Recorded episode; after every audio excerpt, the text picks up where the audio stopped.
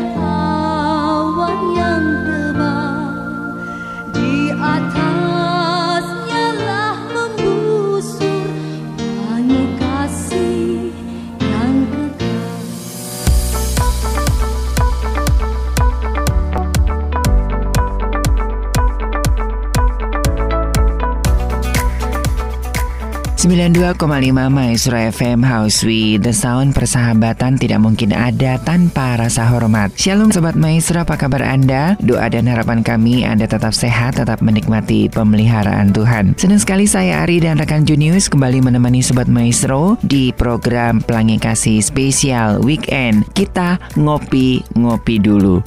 Ke mana? Tetap di Pelangi Kasih Spesial Weekend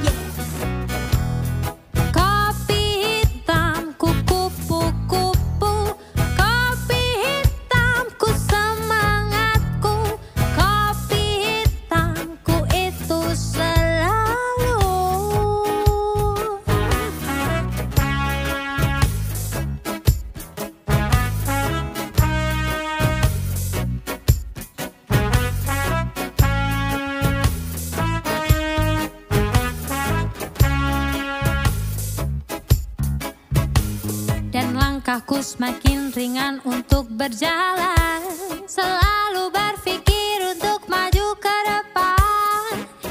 Tak lelah meski tersesatkan Semakin kencang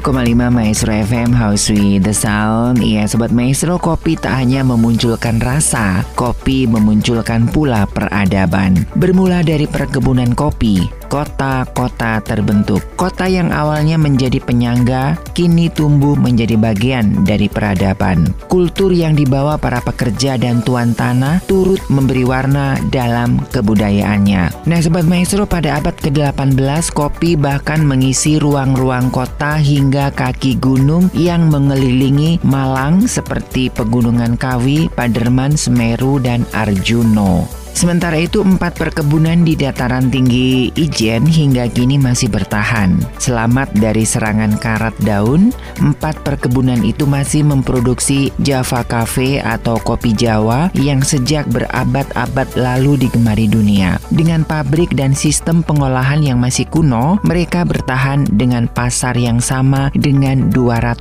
tahun silam. Kopi juga telah memasuki fase baru.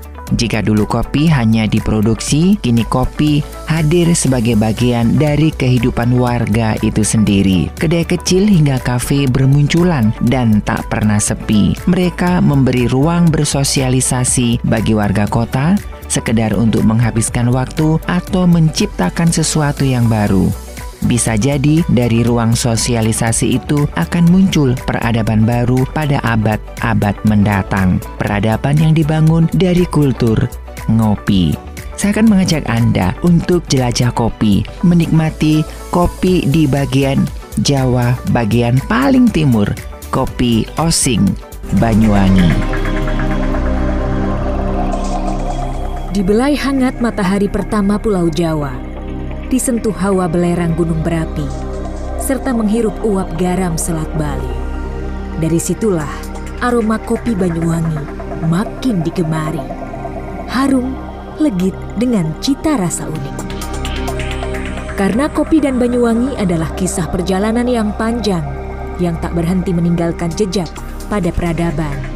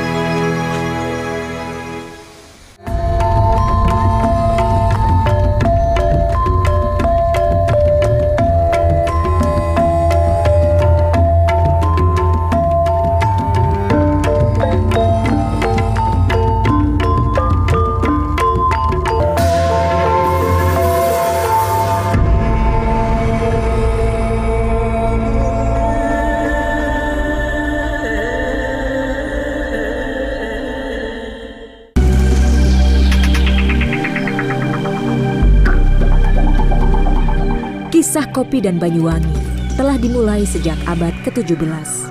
Kala itu, Belanda menjadikan daerah Priangan dan Banyuwangi sebagai lokasi penanaman kopi untuk kebutuhan pasar Eropa.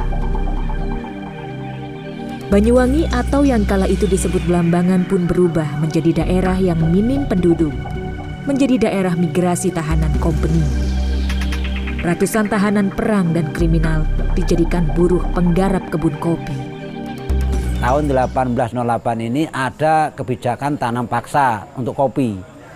Sehingga kopi ini meluas tidak hanya di Jawa Barat dan ujung timur Banyuwangi ini, tapi meluas ke seluruh Jawa. Nah, itu eh, rakyat diwajibkan nanam kopi sehingga merata kopi itu.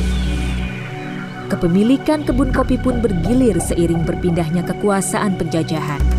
Hingga akhirnya pada masa kemerdekaan pemerintah pun mengakuisisi sebagian kebun kopi warisan company. Eh, kalau yang ini kebanyakan di Banyuwangi ini diambil oleh pemerintah, ya. Yang milik Inggris, investasi Inggris itu yang apa? Ini agak aneh ini. Yang milik Inggris ini entah ini itu perjanjiannya gimana dulu waktu itu kan terkait dengan KMB itu ya. Berabad-abad berlalu, profil kopi Banyuwangi seolah karam, tersapu oleh jenis kopi lain yang lebih dikenal di Nusantara. Namun siapa sangka, kini Banyuwangi justru bangkit membangun jati diri dari biji kopi. Arabica Banyuwangi menjadi keunggulan tanah Belambangan. Kopi Arabica itu identik dengan ketinggian di atas 1000, padahal ini di bawah 1000. Sehingga punya karakter yang berbeda dengan kopi-kopi yang lain. Salah satunya dia punya rasa acidnya yang lebih rendah, low acidity. Ya. Dan satu lagi bodinya lebih light. Biarpun di sangrenya sedikit hitam, tapi dia tetap tetap ringan. Ya. Dan satu lagi rendah kafein. Nah ini yang ini yang penting rendah kafein. Kenapa? Karena dia tumbuh di dataran rendah sehingga lama intensitas penyinaran mataharinya lebih lama, lebih panjang daripada kalau di atas seribu. Terdapat tiga jenis kopi yang tumbuh subur di Banyuwangi, Arabica, Robusta, dan Liberica. Meski Robusta masih menguasai pasar, namun karakter Arabica Banyuwangi mulai banyak diminati. Tumbuh di dataran menengah, Arabica Banyuwangi berkarakter unik. Belum lagi geografis Banyuwangi yang dibatasi Selat Bali, dipagari gunung berapi Ijen, membuat cita rasa Arabica Banyuwangi tak bisa dijumpai di tempat lain.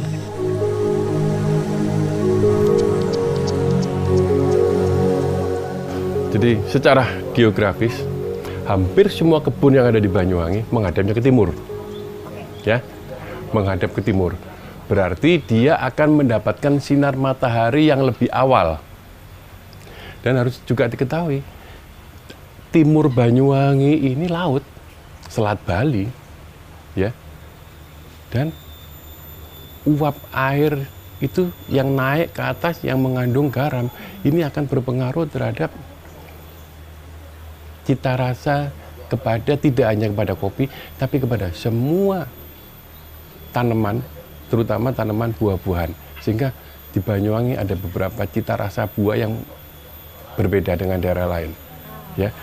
Juga sebaliknya di arah barat kita ada gunung ijen atau kawah ijen yang menghasilkan sulfur atau belerang dan satu-satunya loh di Indonesia sehingga kalau dia turun angin yang ke timur, berarti angin darat ya, dia akan membawa uap belerang. Ya, ini yang akan berpengaruh.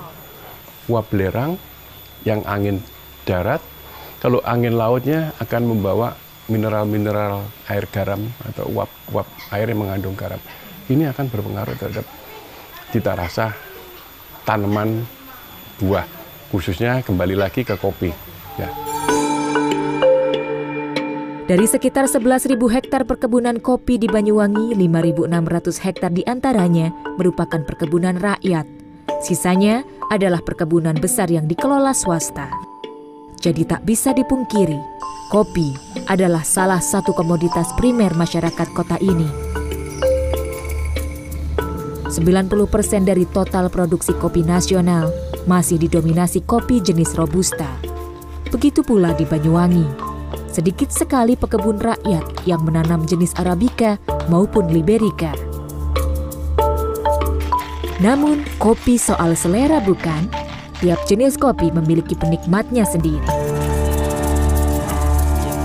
Dari uh, atau perbedaan tiga varietas kopi ini, ya kalau Arabica jelas karakter hmm, rasa itu asam, asamnya, asam dalam artian uh, masih bisa diterima dengan dengan dengan tanpa minum tanpa gula itu masih enak enak dirasakan. Terus yang yang karakter lain dari arabica di sini ada spicy, rempah, juga buah, juga ada hmm, kadang-kadang ada kacang-kacangan kayak bede, macadamia ataupun uh, kalau hasilnya mendekati atau coklat ya, ada. Terus kalau uh, robusta condong ke gurih. Kalau kalau kalau saya kategorikan lebih condong ke gurih ya. Tergantung profil roasting atau tingkat kematangan dari pada saat nyangra. Uh, Liberica atau buri ya, lebih condong buri ya ada kopi gelondong di sini istilahnya. Itu uh, tingkat keasamannya terlalu tinggi. Luas perkebunan kopi di Indonesia yang mencapai 1,3 juta hektar adalah yang terbesar di dunia. Kualitas kopi Nusantara pun tak main-main. Namun produksi kopi kita masih jauh di bawah Brazil dan negara tetangga, Vietnam. Tapi yang penting, kopi itu harus nikmat. Dan saya bilang, kopi sudah tidak hitam dan pahit, tapi kopi harus nikmat. Ini yang penting. Apalagi kopi Indonesia. Kita harus berbangga. Indonesia itu merupakan satu negara yang punya kebun kopi paling luas di dunia. Brasil, Vietnam, yang urutan pertama dan kedua dalam produksi itu tetap di bawah kita. Sayangnya kuantitas kopi kita per satuan hektarnya masih sangat rendah. Kopi Banyuwangi adalah satu dari begitu banyak cita rasa kopi Nusantara. Di dalamnya tak hanya menyimpan rasa, tapi ada asa untuk bisa menaklukkan dunia.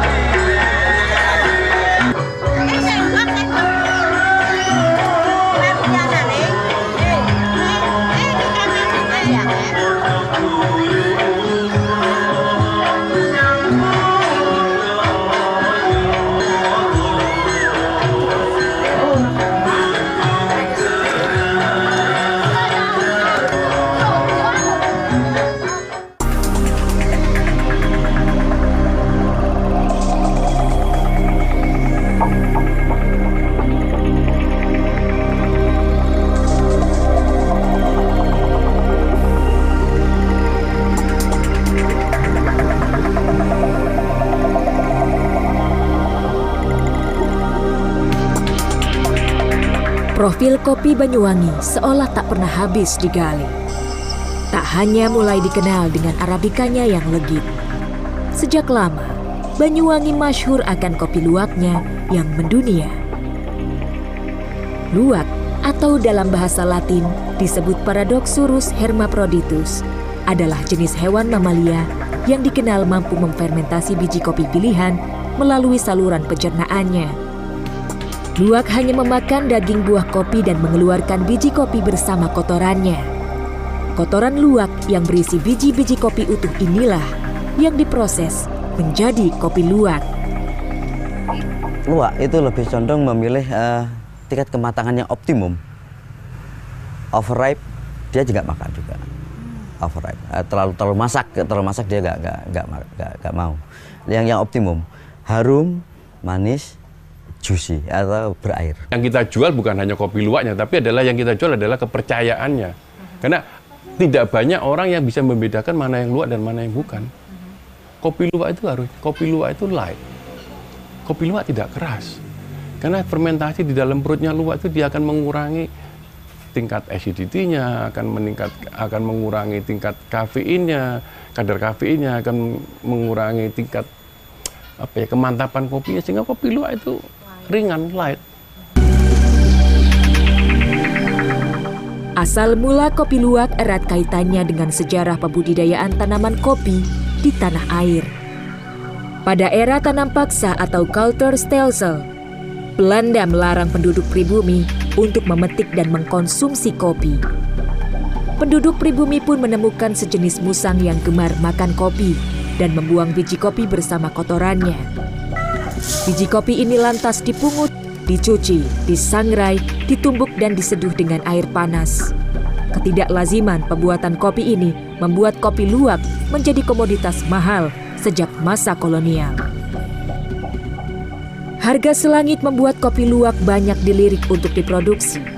Kini banyak pemilik kebun kopi memilih menangkarkan luwak untuk menambah keuntungan mereka. Selamat siang, Mbak. Selamat Ibnu misalnya. Kasih kunjungannya. Akhirnya saya bisa ngeliat langsung ini penangkaran luwak ya Pak ya. Iya. Kotoran yang hasil semalam. Oh ini hasil semalam. Iya, hasil Di dalam semalam. Iya. ada kotoran, Kotoran, ya Pak ya. iya. Nah menarik bicara soal makanannya Pak. Sebelum kita melangkah ke eh, kotoran luwaknya Betul. yang siap dipanen. Ini yang namanya penangkaran kan beda pasti makanan mereka dibandingkan mereka Yang liar di alam, gitu ya. betul, Mereka ya. sudah kalau liar kan mereka bisa ngukur sendiri Iya. makanan mereka gitu.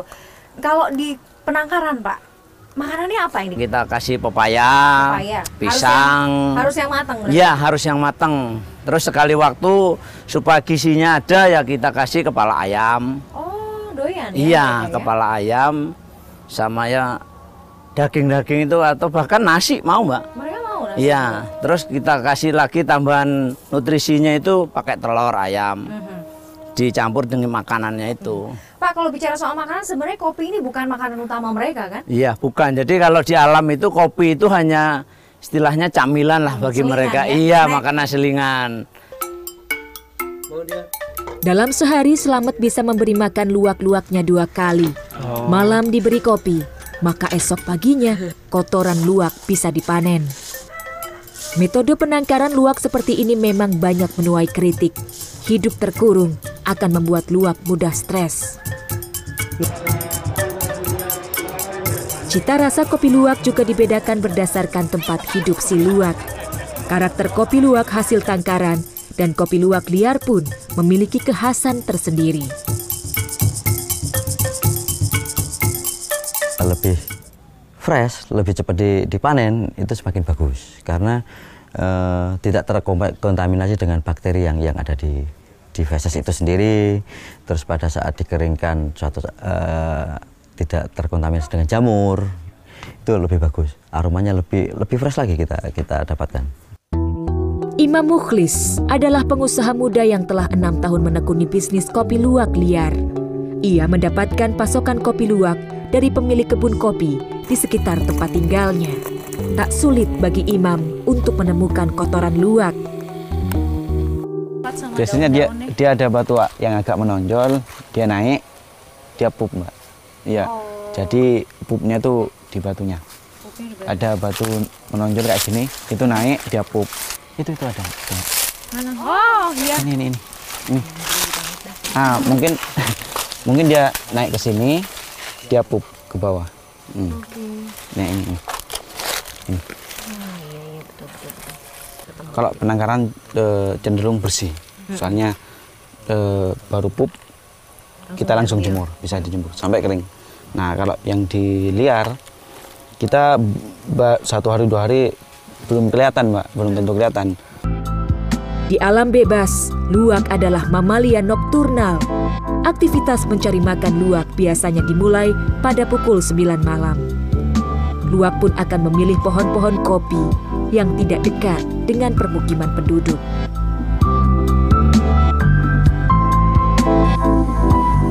Kotoran-kotoran luwak ini harus dijemur terlebih dulu. Agar benar-benar kering, kotoran luwak bisa dijemur 2 hingga 3 hari. Setelah cukup kering, bongkahan kotoran luwak harus dicuci bersih dan kembali dijemur. Ini dalamnya masih bagus mbak. Ini, Karena memang ini dalamnya. layer layer kulit dari kopi ini banyak ya mas? Banyak ada tiga. Ini ada lapisan juga masih. Ini namanya la- lapisan kulit ari Oh ini yang paling ini ya, paling luar. terakhir. Proses roasting atau menyangrai adalah hal yang sangat krusial. Sebaik apa pun kualitas biji kopi, selama profil menyangrai tak sesuai, maka cita rasa kopi akan hilang. Metode grinding dan penyeduhan kopi juga beragam, tergantung profil kopi apa yang ingin ditonjolkan. Dari yang sederhana, tubreu atau tubruk, atau mocha pot seperti ini. Kalau saya suka yang mudah saja, tubruk atau tubruk, menyeduh dengan air hangat, menggoyangkan gelas hingga krema atau lemak kopi keluar dan langsung teguh. Karakter robusta luwak yang medium ini pas di lidah saya. Jejak rasa gurihnya menyapu permukaan lidah dan langit-langit mulut. Sungguh nikmat. Kopi adalah soal selera. Di dalamnya ada berlapis kenikmatan rasa. Seduh dan teguk saja, karena menikmati kopi tak perlu dibumbui banyak teori.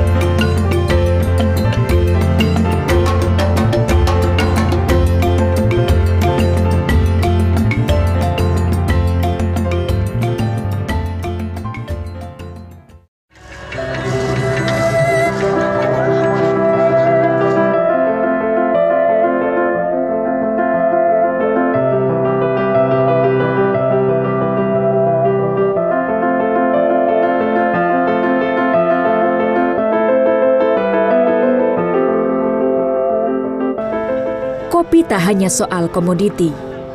Di Banyuwangi, kopi bahkan membentuk jati diri. Kopi jugalah yang menggenggam tradisi. Malam tampak bercahaya di langit desa Kemiren, Banyuwangi. Belum lagi riuh musik khasnya beradu dengan sapa ribuan manusia. Bukan itu saja yang menarik. Aroma dari setiap cangkir kopi menguar, menyusup di setiap sudut desa. Ya, Festival Ngopi Sepuluh ini seolah menjadi refleksi bagaimana masyarakat Banyuwangi dan kopi menjadi dua hal yang tidak bisa dilepaskan. Di sinilah semua orang boleh datang menikmati kopi Banyuwangi yang disajikan oleh para penduduk di sepanjang 5 km di Desa Kemiren, Banyuwangi. Karena kopi mendekatkan jarak, karena kopi membuat dekat, dan karena sekali seduh, maka kita semua bersaudara. Ribuan manusia memadati sepanjang 5 km jalanan desa Kemiren. Festival Ngopi 10 Ewu ini memang layak disambangi. tatkala ada tamu yang datang itu selalu menyuguhkan kopi.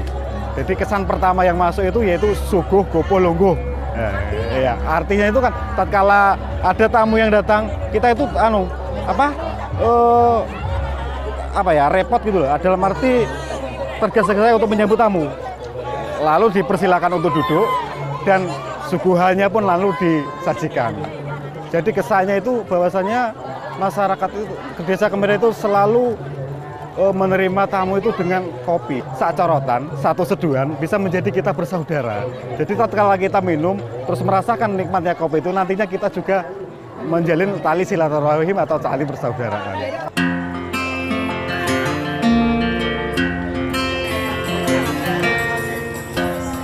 Uniknya, cangkir-cangkir kopi ini seragam, cantik dengan aneka motif bunga yang beragam. Ini adalah warisan orang Osing turun-temurun.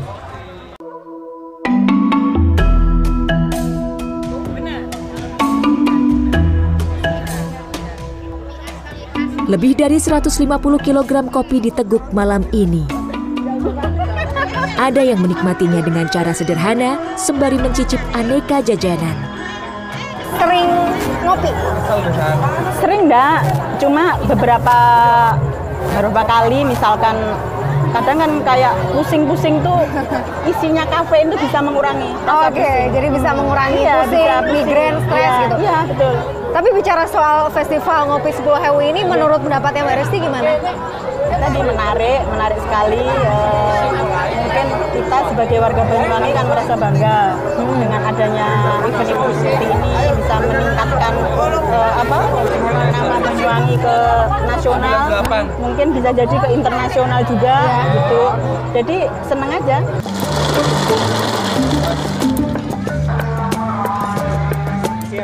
Bagaimana dengan menyeruput kopi dengan gaya lain yang lebih kekinian? Tidak masalah, kopi tak pernah pilih kasih. Selama nikmat, ia bisa meleburkan jarak. Jadi Festival Ngopi Sepuluh ini kita tidak hanya bisa melihat cara penyajian kopi yang apa ya bisa dibilang konvensional sudah ada ya tradisional sejak dulu. Tapi di sini kita juga bisa melihat penyeduhan yang modern ya Mas. Ya, Mas modern. Mas Asmi bisa dibilang barista gitu? Ya bisa. bisa, oke. Tukang Mas, tukang kopi ya. Tukang kopi, oke. Ya, tukang lebih kopi. kayaknya lebih enak di Ya. tukang kopi. Oke. Mas Asmi bisa cerita jenis kopi yang ada di sini itu kopi apa aja? Semua asli Banyuwangi kan? Oke, ha. Ya kita di sini pakai kopi eh, Arabica Kalibendo ya. Oh, ini yang Arabica. Arabica Kalibendo, as Banyuwangi yang ditanam di perkebunan swasta Banyuwangi ya. Eh, untuk Arab, jenis Arabica ini kan biasanya kan ditanam di ketinggian 1000. Kak ini di bawah 1000. Justru di bawah 1000 ya, sekitar antara 700 sampai 850. Berarti karakter rasanya juga unik nanti. Ya karakter rasanya juga unik yang nggak nggak nggak eh, apa ya yang beda dari arabica arabica eh, yang lain seperti arabica gayo eh, atau Sulawesi Papua apa gitu itu beda. Ini semua Arabica yang di sini atau ada Robusta juga yang Robusta ada, Robusta ada, tapi kebetulan ini udah habis.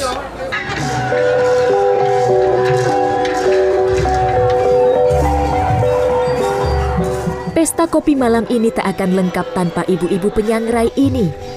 Dengan kebaya hitam khas Osing, mereka gemulai menyangrai biji kopi. Begitu bersahaja. kan datang desa Kemiren buatan wonten kebun kopi toh.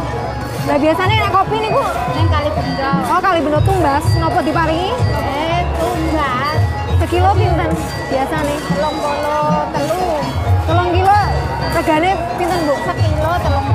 Oh sekilo telung polo telu ewu. Nah bu, pripun apa ya istilahnya carane ben kopi ki enak kan nek nyangre yo kados pundi napa kudu gosong napa aja gosong apa pripun? Aja gosong. Lah tumbas sing enak kamu. Pirang menit biasane, Bu? Pirang menit ngeten iki nek goreng ngeten iki pinten menit? Setengah jam. Setengah jam.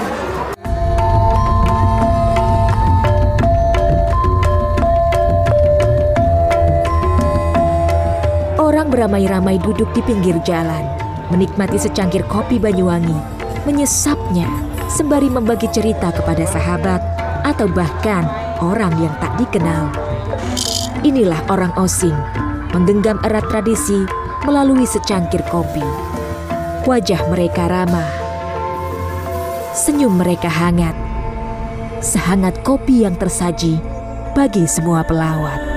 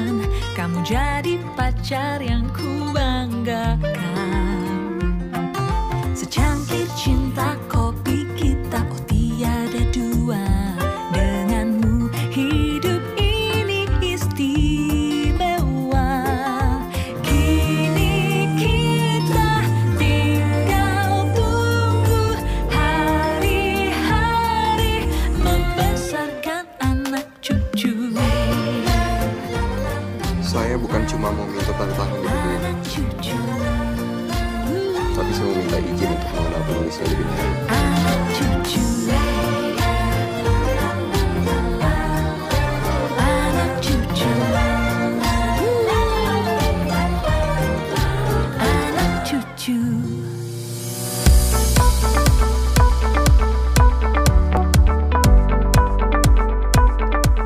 Sobat Maestro, kopi osing mungkin namanya masih terdengar asing di kalangan masyarakat penikmat kopi kekinian.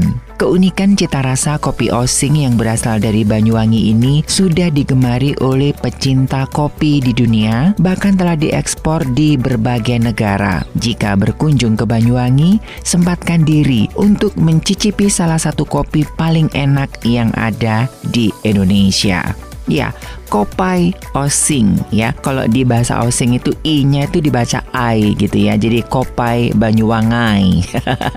gitu ya. Kopai Osing adalah kopi nikmat andalan kota Banyuwangi dan khususnya Desa Kemiren yang mempunyai kopi terenak di dunia. Hanya dengan rahasia biji kopi disangrai hanya sekitar 5 menit di wajan tanah liat dan tungku kayu. Biji kopi tanpa dicuci serta harus sama ukuran besar kecilnya agar kematangan kopi pas disangrai sama. Langsung aja saya akan mengajak Anda ya menikmati seruputan manja Kopai Osing Banyuwangi.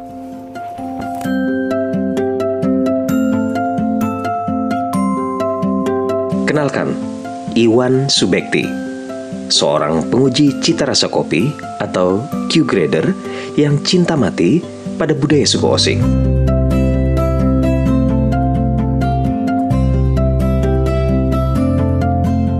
Berangkat dari keprihatinan akan kelestarian budaya Osing dan tentunya demi mengangkat identitas kopi Osing, Iwan membangun Sanggar Budaya Suku Osing Genjah Arum di Desa Kemiren, Banyuwangi.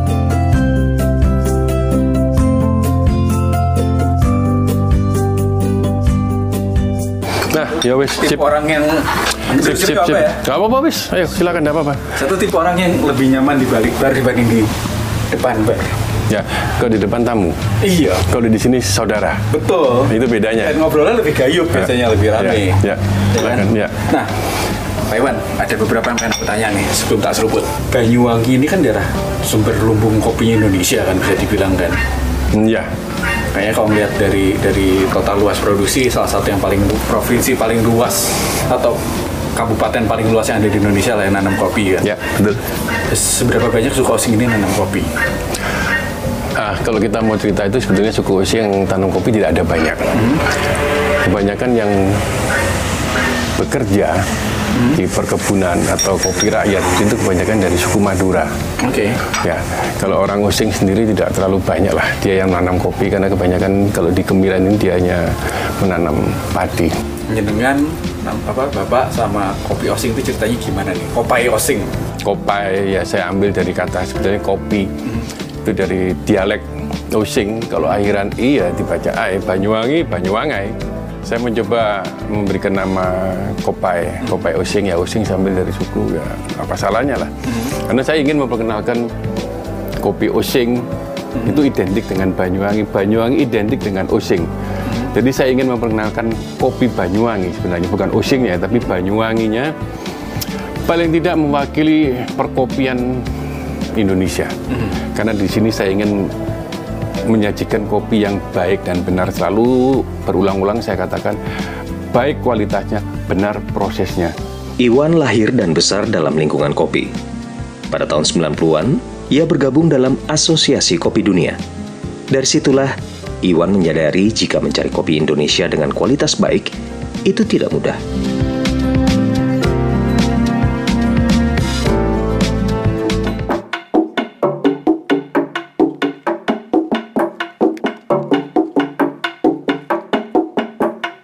Masih di Desa Kemiren, Banyuwangi.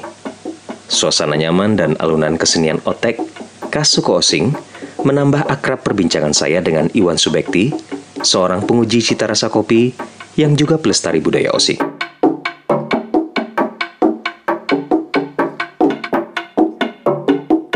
Otek adalah kesenian yang menggunakan lesung padi.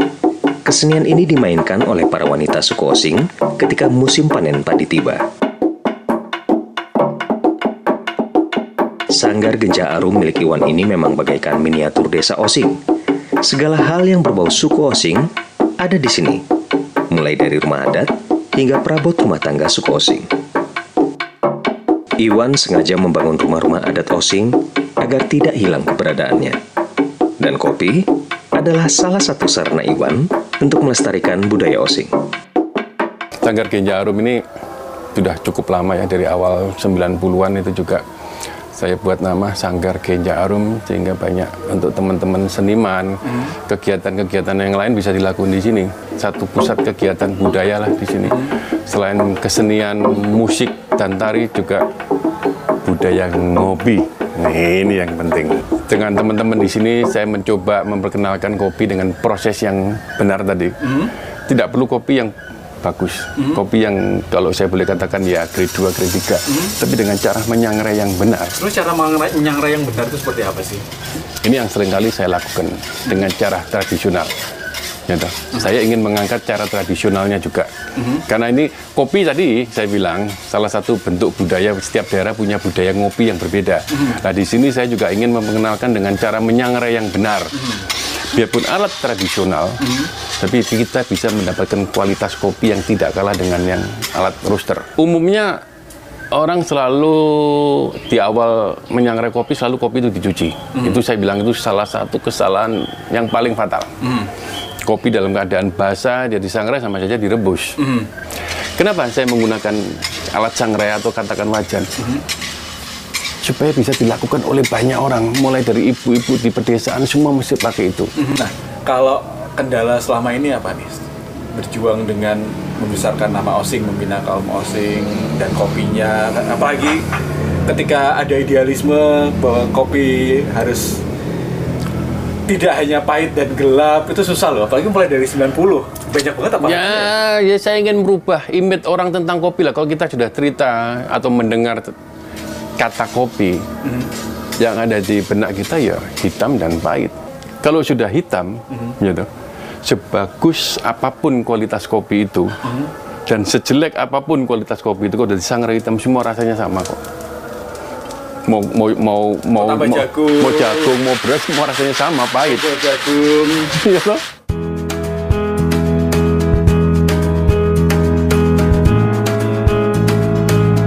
Gencah Arum yang berada di ruas jalan menuju Ijen banyak disinggahi para wisatawan lokal maupun mancanegara. Ketika singgah, dijamunya para tamu dengan kopi.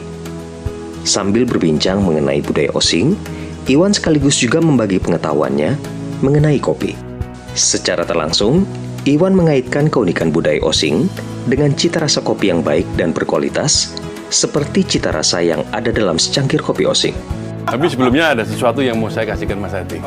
Ya, ini saya mau kasihkan ini kopi osing ya. terima kasih ini Dan- bisa dibeli di mana sih kopi Aduh, jangan tanya. Tidak tidak ada jual beli di sini. tidak ada jual beli Nah, di sini ada saya katakan pakai simbol capung. Aha. Ya. Kebetulan eh, capung ini ditemukan di daerah di mana kopi ini tumbuh. Dan capung merupakan sebagai bioindikator di mana daerah tumbuh kopi ini dia terjaga lingkungannya, ramah lingkungan. kalau capung hilang artinya sudah rusak Ya, ekosistemnya. Ini akan saya berikan untuk Oh. sahabat saya, Mas Adi. ini Ya. yang paling keren sebelah ini Ah. Oke.